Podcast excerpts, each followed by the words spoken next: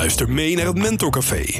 Wilma Oud interviewt in deze reeks van podcasts Hans Ruinemans, Boardroom Monk.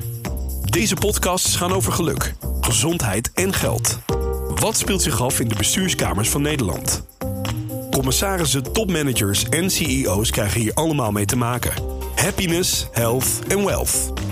Kortom, het woord is nu aan de interviewer en de business mentor. Luister mee naar een nieuwe podcast van het Mentorcafé. Luisteraar, dit is onze 23e podcast en het is een iets andere dan je gewend bent. Dat zit zo. Deze reeks van podcasts, dat is een idee van mij, Wilma Oud. Dat ben ik. In elke aflevering bevraag ik Hans Ruinemans, Boardroom Monk, over zijn visie op leven en werk. Lifestyle first, business second immers. Hans is namelijk een zeldzame mix van schijnbare tegenstellingen die, bij nader bestuderen, of eigenlijk bij nader beluisteren, perfect passen in één mens. Hans is bijvoorbeeld monnik geweest en adviseur in boardrooms. En ook gymleraar en taxichauffeur, een snackbarhouder, een filmmaker, consultant en strateeg en al uh, eh, 30 jaar ondernemer. Daarnaast is hij een alleseter qua kennis. Hij slaat op en legt verbanden. Hij ziet dat A en B niets met elkaar te maken hebben en Q, Q en Z juist wel. Hij weet hoe je ergens uit moet komen en hoe je iets moet zien. Hij is strategisch goed. Genoeg complimenten. De afgelopen maanden kwamen er via LinkedIn veel vragen voor Hans binnen, vooral naar aanleiding van de podcast. Steeds beloofde ik die vragen voor te leggen, maar het kwam er maar niet van, waardoor ik weer vragen binnenkreeg over de vragen. Nou, je zou van minder een burn-out krijgen. En in deze aflevering komt het er dus wel van. Ik maakte een selectie van vragen en leg die vandaag voor aan Hans Ruidemans, Monk. We zien wel hoe ver we komen. En de eerste vraag aan Hans is deze. Ben jij er klaar voor? Dat is geen vraag van een luisteraar volgens mij. Nee, dat is mijn vraag, maar nou, ik mag ook. Tuurlijk mag jij. Kom maar op, ik heb geen idee waar het heen gaat. Oké, ehm, de eerste vraag die ik stel, en dat doe ik namens Henk uit Zierikzee. Ik vind Henk ook echt een naam die, die, ik, die ik situeer in Zierikzee. En de vraag is deze. Ik zal hem voorlezen. Ha Hans, ik luister met plezier naar je uitzendingen. Dat doe ik vooral op de fiets. De afleveringen zijn ongeveer gelijk aan mijn fietstocht naar het werk. Ik zou van je willen weten of je echt monnik bent geweest en, als dat zo is, waar dan? Succes met je podcast. Ga zo door. Groet Henk. Nou, nou, jongen, nou allereerst als antwoord, ha Henk, leuk dat je deze vraag stelt. Ja, ik ben inderdaad echt monnik geweest uh, boeddhistische monnik en twee keer zelfs. Dus ik ben ook echt ingetreden. Het was beide keren in Myanmar, de Union of Myanmar, het voormalige Burma of Burma dus. Het was twee keer een mooie tijd waar ik veel van heb geleerd, maar twee keer was ook wel genoeg. Ja, wat trok je aan in het boeddhisme? Uh, wat me aantrok, nou, het boeddhisme is meer een levenswijze dan een religie, voor mij dan. Je zou kunnen zeggen, Boeddhisme is een levensbeschouwing. Boeddhisten geloven in de vier waarheden.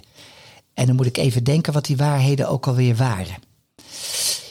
Uh, de eerste, die is altijd wel makkelijk te onthouden, dat is life is full of suffering. Het leven is vol lijden. Nou is mijn persoonlijke leven prima in orde. Ik lijd niet. Maar ja, kom op, we zien overal hoe mensen lijden. Bovendien, lijden we nu allemaal onder corona, de maatregelen. We zitten in een soort halve lockdown. En wie weet is straks wel een, volledige lockdown. Ja. Nou, dat brengt onzekerheden met zich mee. Vergis je niet, ook bij mensen waarvan je zou denken dat ze redelijk tegen een stootje bestand zijn.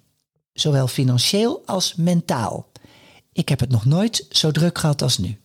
Ja, het is wel een ander lijden dan het lijden als je in Afghanistan leeft of in, uh, uh, hoe heet dat land ook weer? Ja, goed. Ja, nou goed, het is een ander lijden dan vele. het zware lijden. Um, het leven is lijden, ja. Ja, ja dat is de eerste. Eh, de Boeddha bedoelde daarmee trouwens dat het leden, leven lijden is, maar dat jij als individu daar vrede moet mee zien te hebben dat of lijkt, te krijgen. Dat lijkt me veel moeilijker als je in Afghanistan of in Sudan, ja daar zocht ik naar, mhm. als je daar leeft. Ja, klopt. Kun je mij iets vertellen over de tweede waarheid? Dat is dat het lijden wordt veroorzaakt door een verlangen. Mensen zijn snel ontevreden en willen altijd meer. Niet beter, want er is niets op tegen, maar meer. Ja, En de derde waarheid, volgens de boeddhisten, is dat het lijden kan worden gestopt door te stoppen met dat verlangen naar meer. Mijn eigen lijfspreuk, die ken je wel, is dan ook onbegrensd vertrouwen en nergens naar verlangen. Ja, die ken ik van je. En in een eerdere podcast vertelde ook al, ook al dat eh, het eerste, dat uh, lukt me wel. Het tweede een stuk minder. Mhm. Uh, Oké, de vierde.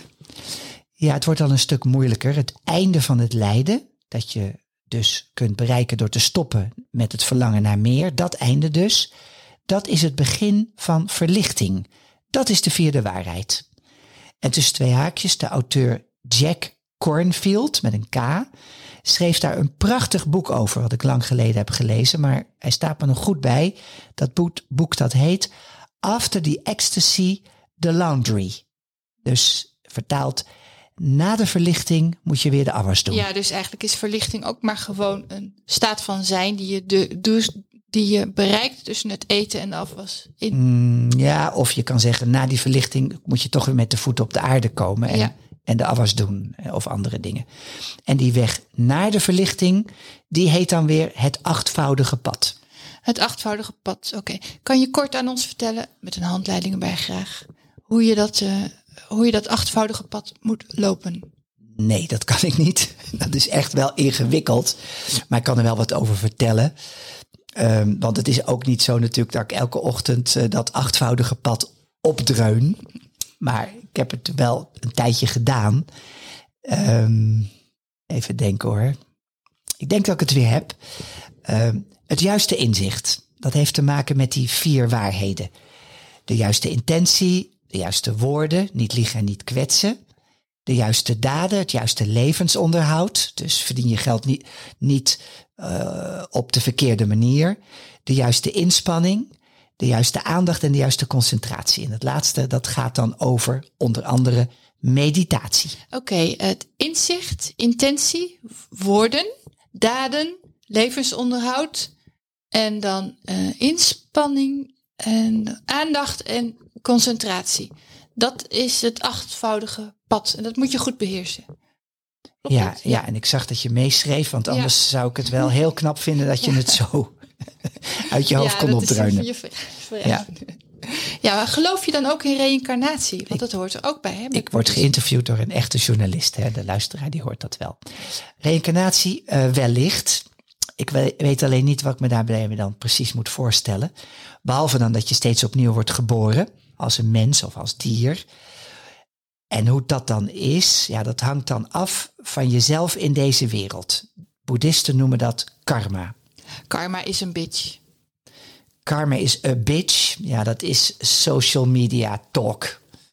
Uh, karma is helemaal geen bitch. Ik vind het zelf nogal een logisch gegeven, zeker in dit leven. Ik heb veel en vaak gezien hoe labbekakkers en oplichters volkomen terecht werden ontslagen en ook in sommige gevallen aan lager wal raakten. En ik heb gezien hoe de meest aardige en mabele personen het heel goed troffen. Heb je dan geen medelijden met de labbekakkers en de oplichters die worden ontslagen?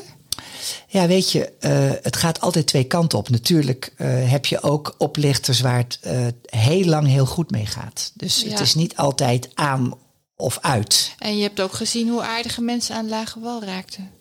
Nou, nu je het me vraagt, ja. Ik heb gezien hoe aardige en mabele mensen alles kwijtraakten. Maar gek genoeg vonden die altijd hun geluk weer. Maar het kan toch niet zo zijn dat iedereen die ongelukkig is, dat ongeluk heeft verdiend? Nee, dat zeker niet. De kunst van het leven is, volgens mij, accepteren dat ongeluk en verdriet bij het leven horen. Je mag wel streven naar geluk, maar je moet tegelijkertijd beseffen dat je het eigenlijk allemaal nooit zal bereiken. Dat is de, de crux. Ain't got no home, ain't got no shoes, ain't got no money, ain't got no class, ain't got no skirt, ain't got no sweater, Ain't got no perfume, ain't got no bed, ain't got no mind. Ja, dit is een beroemd eh, nummer uit de musical Hair. Het is eh, gecoverd door een onbekende artiest. En ik heb dit gekozen omdat het origineel eh, blaast bijna je uh, trommelvliezen weg. En dit is rustig. Dus vandaar. ik ga naar de volgende vraag als je dat goed Ja, vindt. prima. Anders praten we wel een heel door, uur door over boeddhisme. Lijkt me eigenlijk ook wel leuk voor een podcast. Maar oké. Maar boeddhisme, lijden, karma, geluk. Nee, ik zou zeggen, Wilma, kom maar door met de volgende vraag. Ja. Els uit Waddingsveen vraagt zich af wat het beste boek is dat je ooit gelezen hebt. Nou, dat kan ik direct beantwoorden. Dat was het boek Competent to Counsel van een zekere Jay Adams. En dat boek dat leert professionals, maar ook niet-professionals, dus eigenlijk iedereen, hoe te luisteren naar de woorden achter de woorden. Ik kan het iedereen aanraden. En er bestaat ook een luisterboek van en een e-book, maar ik weet niet of dat ook in het Nederlands is. Wat heeft dat boek jou dan gebracht? Um, nou, het is al een tijd geleden, echt uh, tientallen jaren geleden, maar vooral de kracht van het niets zeggen.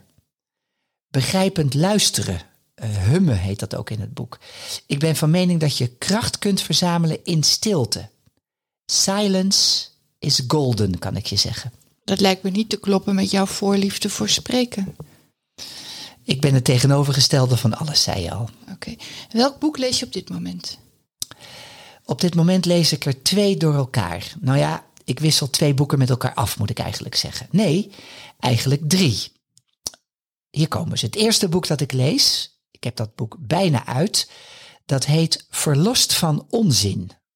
Verlost van onzin.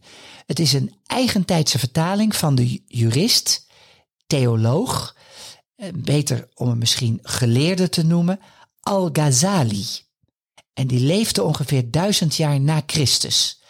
Al-Ghazali was een aanhanger van het Soefisme. En dat is een stroming binnen de klassieke islam. Oké. Okay. Het tweede boek dat ik lees is super recent en dat heet Waarheidszoekers. De auteur is Kees Wijstra, W, nee, Z-W-E-I Stra, Wijstra. En het is een analyse van de complotdenkers. De corona-complotdenkers. Maar het, uh, het denken in complotten is onbegrensd, heb ik geleerd door dat boek. Vanuit de geschiedenis gezien heeft het altijd al bestaan. De tegenwoordige conspiracy theories zijn deels te vereenzelvigen, zegt de auteur, met een soort tij tijdelijke, ik begin er gewoon Engels van te praten, online hypes. Er zijn mensen bijvoorbeeld die serieus denken dat Willem-Alexander een enkelband draagt. Dat we door reptielen worden bestu bestuurd. En dat Angela Merkel de dochter is van Hitler. Ja, en dat uh, prins Friso, die, uh, die jammerlijk is overleden bij een ski-ongeluk, niet dood is, maar dat is nu Hugo de Jonge. Nee, nou ja. Weet je, het complotdenken dat woekert op reële gevoelens van onvrede, die op hun beurt weer het gevolg zijn van de technologische ontwikkelingen. Nou, okay. dat over de eerste twee. Ik had nog een derde boek dat ik lees. Hou je vast, de Koran. Ik kreeg hem van een kennis en ik kan je zeggen, het is een wonderlijk boek. Ik zeg er wel bij dat ik de versie heb in het Nederlands met een uitleg erbij. Wil je daar iets over zeggen, over de Koran? Of zeg je nou... Ik lees af en toe kleine stukjes. En? Wat is je indruk? Uh, nou, daar ben ik nog. Ik ben bij het eerste hoofdstuk De Koe. Uh, het derde hoofdstuk is volgens mij Het Vee. Uh, weet je dat? Nee, dat, dat wist ik gewoon allemaal niet. Maar daar uh, kom ik op terug. Misschien ook weer in een andere podcast. Misschien in het. Het is wel een gevoelig onderwerp natuurlijk. Ja, dat is het. Ja. ja. Um, Oké, okay, nou goed. Els uit Waddingsveen. Op nummer 1 staat dus Competent to Counsel. De overige boeken zijn Verlos van Onzin van Al-Ghazali. Maar die is al heel lang dood, dus dat zal dan een vertaling zijn of een biografie. Nou, mag ik daar nog wat over zeggen? Ja, Kijk, uh, die Al-Ghazali die is op een verkeerde manier geframed. Omdat hij jurist was, sprak hij ook fitwa's uit. Ook al een gevoelig onderwerp. Ja. En uh, vanuit zijn juridische achtergrond moest hij dus op een cruciale vraag een ja, voor hem echt islamitisch antwoord geven. Maar als je zijn hele leven bekijkt, en daar gaat het boek over, met de inleiding en de outro, in het midden van dat boek is het echt een vertaling door meerdere geleerden ook ondersteund van zijn laatste boek. Dat heet dan Verlost van Onzin. Maar dan zie je dat hij in het Westen altijd als moslim verkeerd is geframed. En hij wordt door dat boek eigenlijk bijna weer in een soort ere hersteld. Dat is de samenvatting van mij dan. Ja, oké, dankjewel. En het derde boek waar je het over had, dat is Waarheidszoekers van Kees Zwijstra. Oké. Ja, ja. Nou, de volgende vraag, als dat nog kan, Hans. Dat is de vraag van Tom, Win Tom Winders. Ja? En hij wil weten of er een beroep is dat je graag nog zou willen uitoefenen. Wat een grappige vraag. Ja. En waarom heb je die alleen voor jezelf gehouden? Heb ik die voor mezelf? Ja, je hebt ze nooit met mij gedeeld. Nee, nee, maar dat doe ik nu toch? Ja, In deze, ja, ik Ja. moet het dan be- bewaren. Ik- ja, ja nou, ik ben benieuwd wat voor andere vragen je nog hebt. Ehm, Oké, nou, eh, beroep hè? Dat, ja, Oeh, dat je nog graag zou willen uitoefenen wat je niet, ja. wat in dit leven niet gelukt is. En dat vroeg een zekere Tom. Ja, Met een twee of met een driepoot? Met een driepoot, Oké. Winders. Oké. Ehm, Hij zal wel luisteren nu. Nou, Hallo eh, Tom. Dag Tom, als je, als je luistert. Ik hoop dat je luistert. Ehm, nou, de laatste tijd, maar dat is echt iets van de laatste tijd, denk ik steeds dat er ook in mij een goede advocaat had kunnen schuilen. Oké. Nou, helaas heb ik geen tijd meer om dat traject naar een goede advocaat nog te doorlopen. Nee, het komt een keer een eind aan aan je Ja, leven. precies, precies. Je bent uh, hoogbejaard of niet, hè, zou ik maar zeggen. Ja. Ehm, eh, wat ik ook achteraf graag had willen zijn, dat is politierechercheur. En dan zou ik me helemaal richten op de, cyber, de cybercrimes. En waarom cybercrime? Nou, cybercrime begint meestal bij de jongste hackers die nog helemaal niet weten wat ze aan het doen zijn. En die voeren voor de fun een DDoS-aanval uit op een site van een school of ze kraken uh, één of twee keer een wachtwoord en zo gaan ze steeds verder. Tegelijkertijd hebben ze geen benul van de schade die ze aanrichten. Ik zou het interessant vinden om hen ervan te overtuigen dat ze hun talenten op een andere manier moeten inzetten. Oké, okay, um, maar er zijn ook veel stoute mannen actief in de cybercrime-wereld. Nou, ik zou dat niet eens uh, stoute mannen noemen. Dat noem ik gewoon criminelen. Mm-hmm. Die vaak eerst, nou laten we zeggen, op de traditionele criminele manier hun geld hebben verdiend. En dat zijn niet de digitale wiskits waar ik het net over had. Hun cybercrime-activiteiten zijn ook niet zo ingenieus. Ze hebben, dat moet je ze nageven, wel een goede commerciële neus voor slachtoffers. Zou je zelf een, uh, een wisgit uh, geweest kunnen zijn die als uh, hacker een school had aangevallen? Had jij daarin? Nou, ik heb er tijd? ooit eentje gehad. Ik heb al tientallen jaren stagiaires. En ik heb een keer een stagiair gehad, die was 17. Toen kwam hij bij me, het is alweer jaren geleden. En dat was zo'n wiskit. Die was vanaf zijn twaalfde begonnen met het bouwen van websites en een heleboel andere dingen. Als hij iets niet wist, vond hij altijd wel ergens een YouTube-filmpje die het antwoord aan hem gaf. Dus hij was ook echt autodidact. En toen hij 18 was, toen heb ik als verjaardagscadeautje hem meegenomen naar de Kamer van Koophandel.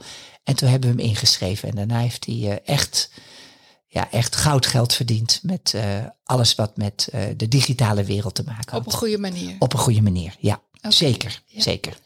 Een vraag van Linda uit Muiden. Ja. En dat is de volgende vraag. Ik zal het even voorlezen. Lees niet te snel, want anders dan heb ik hem niet in het okay. snotje. Goed, ik zal trager praten. Mm -hmm. Hallo Hans, ik luister met plezier naar je podcast en ik hoop dat je er nog lang mee door zal gaan. Mijn vraag aan jou is of je bang bent voor de toekomst. Het is een onrustige tijd en ik zelf zie het niet snel beter worden. Ik ben benieuwd hoe jij dat ziet. Hartelijke groeten Linda. PS, we hebben elkaar ooit ontmoet bij Ome Co in Muiden. Oh, nou, als ik even direct Linda mag toespreken van je. Ja, doe dat. Linda, ik zou willen dat ik kon zeggen dat ik dat nog weet, die ontmoeting. Uh, helaas is dat niet zo. Maar ik denk dat je vast een erg aardige dame was. Uh, je vraagt of ik uh, niet bang ben voor de toekomst. En mijn antwoord is nee. Uh, naar mijn mening zijn er altijd onrustige tijden geweest. Zelfs veel onrustiger dan deze periode. Hele generaties mensen zijn of worden zelfs nog geboren, ze zijn opgegroeid, ze zijn doodgegaan in oorlogstijd. En die kennen en kenden niets anders dan oorlog en chaos. Ook ziektes zijn er altijd al geweest. Denk aan de pest, een pandemie met 200 miljoen doden. Of de Spaanse griep, maar ook TBC en ebola zijn echt vernietigend geweest. En het wordt niet vaak genoemd in deze maanden. Maar ik vind dat we het niet moeten vergeten. Ook AIDS heeft heel veel slachtoffers gemaakt. Ja, zeker.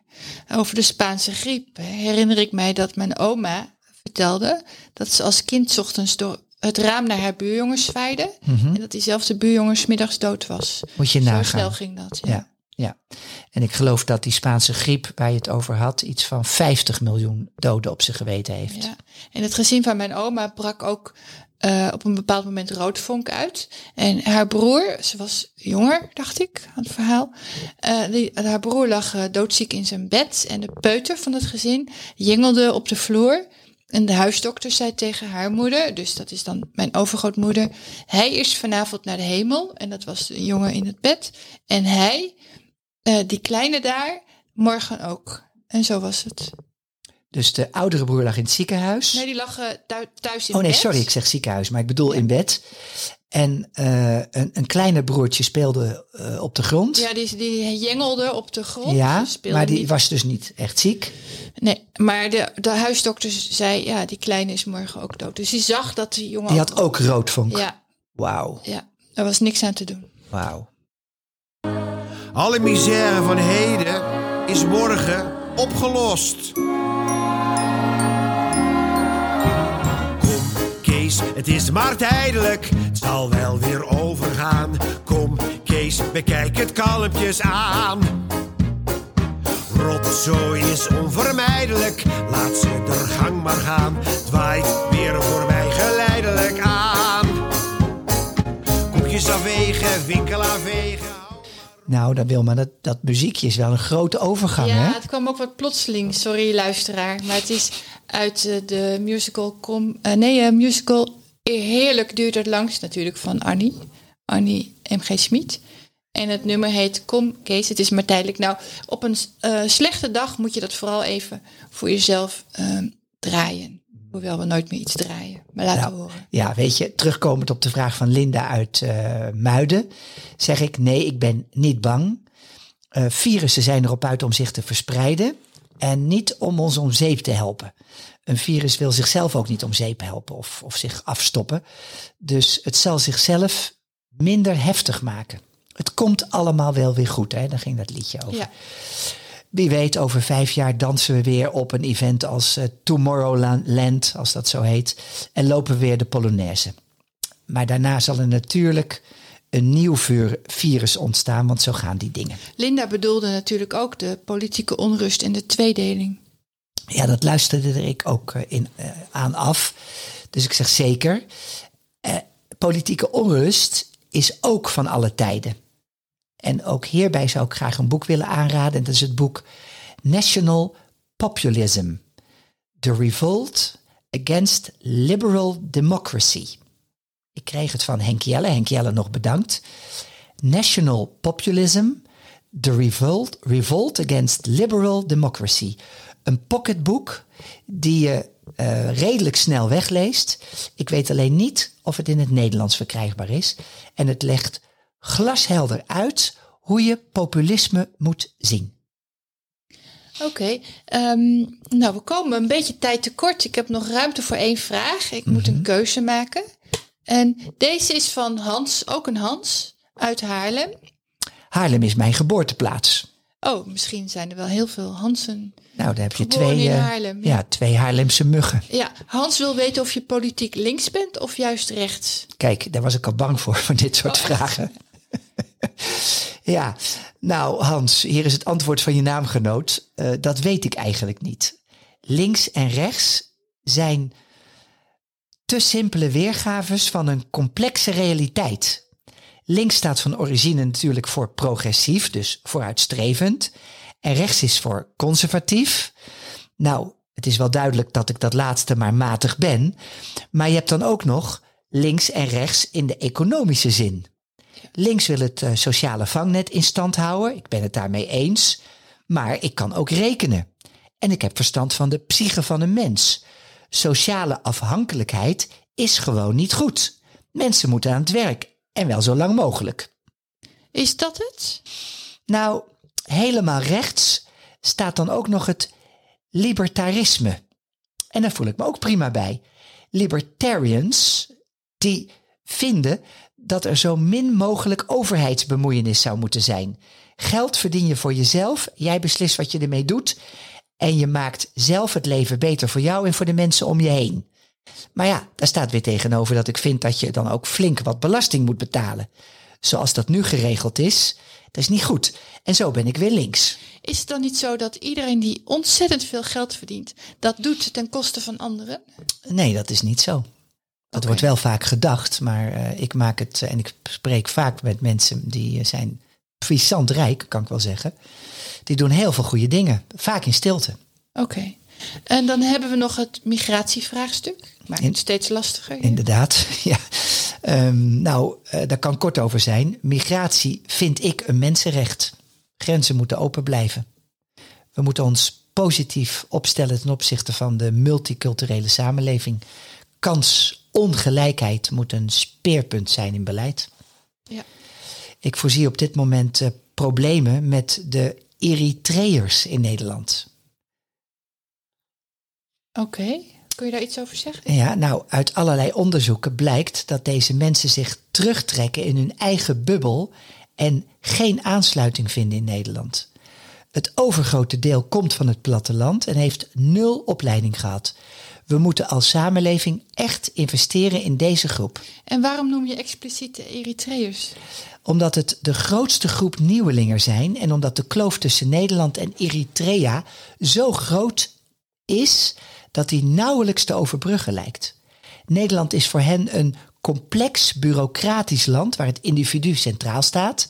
En in Eritrea draait alles om de groep. Eritreërs zijn niet gewend om niet te werken. Omdat ze dat hier niet kunnen en niet mogen, zakken die mensen weg in verveling en depressies. Hoe zou jij het aanpakken als je het voor het zeggen had? Ja, dat is niet, bijna niet te zeggen. In zijn algemeenheid. Mm, ja, in zijn algemeenheid. Nou, dan zou ik zeggen, integreren moet, dat moet. En dat bereik je met decentralisatie en een goede begeleiding. Maar ja, ik weet niet of ik het daarmee dan red hoor. Taallessen zijn superbelangrijk. Het mag geen vrijblijvendheid zijn, vind ik. Verder moet iedereen ook gelijk aan het werk. Hup. Ja. Als het aan mij ligt, is een asielzoeker zonder werk in de toekomst ondenkbaar. En Nederland moet een open land zijn. Dat dan helemaal dicht is geen woord voor mij. Ja, ik, eh, interessant allemaal weer. Ik zie dat onze tijd erop zit, Hans. En we moeten deze podcast beëindigen. Jammer, ik heb nog een paar vragen. Van ene Kobi, een leuke vraag. Volgende keer. Luisteraar, blijf vooral je vragen doorgeven. Dat kun je prima doen via het LinkedIn raampje. En abonneer je ook op het Mentor Café. We ontmoeten je graag de volgende keer. Dan gaan we het weer over één onderwerp hebben. Tot de volgende podcast.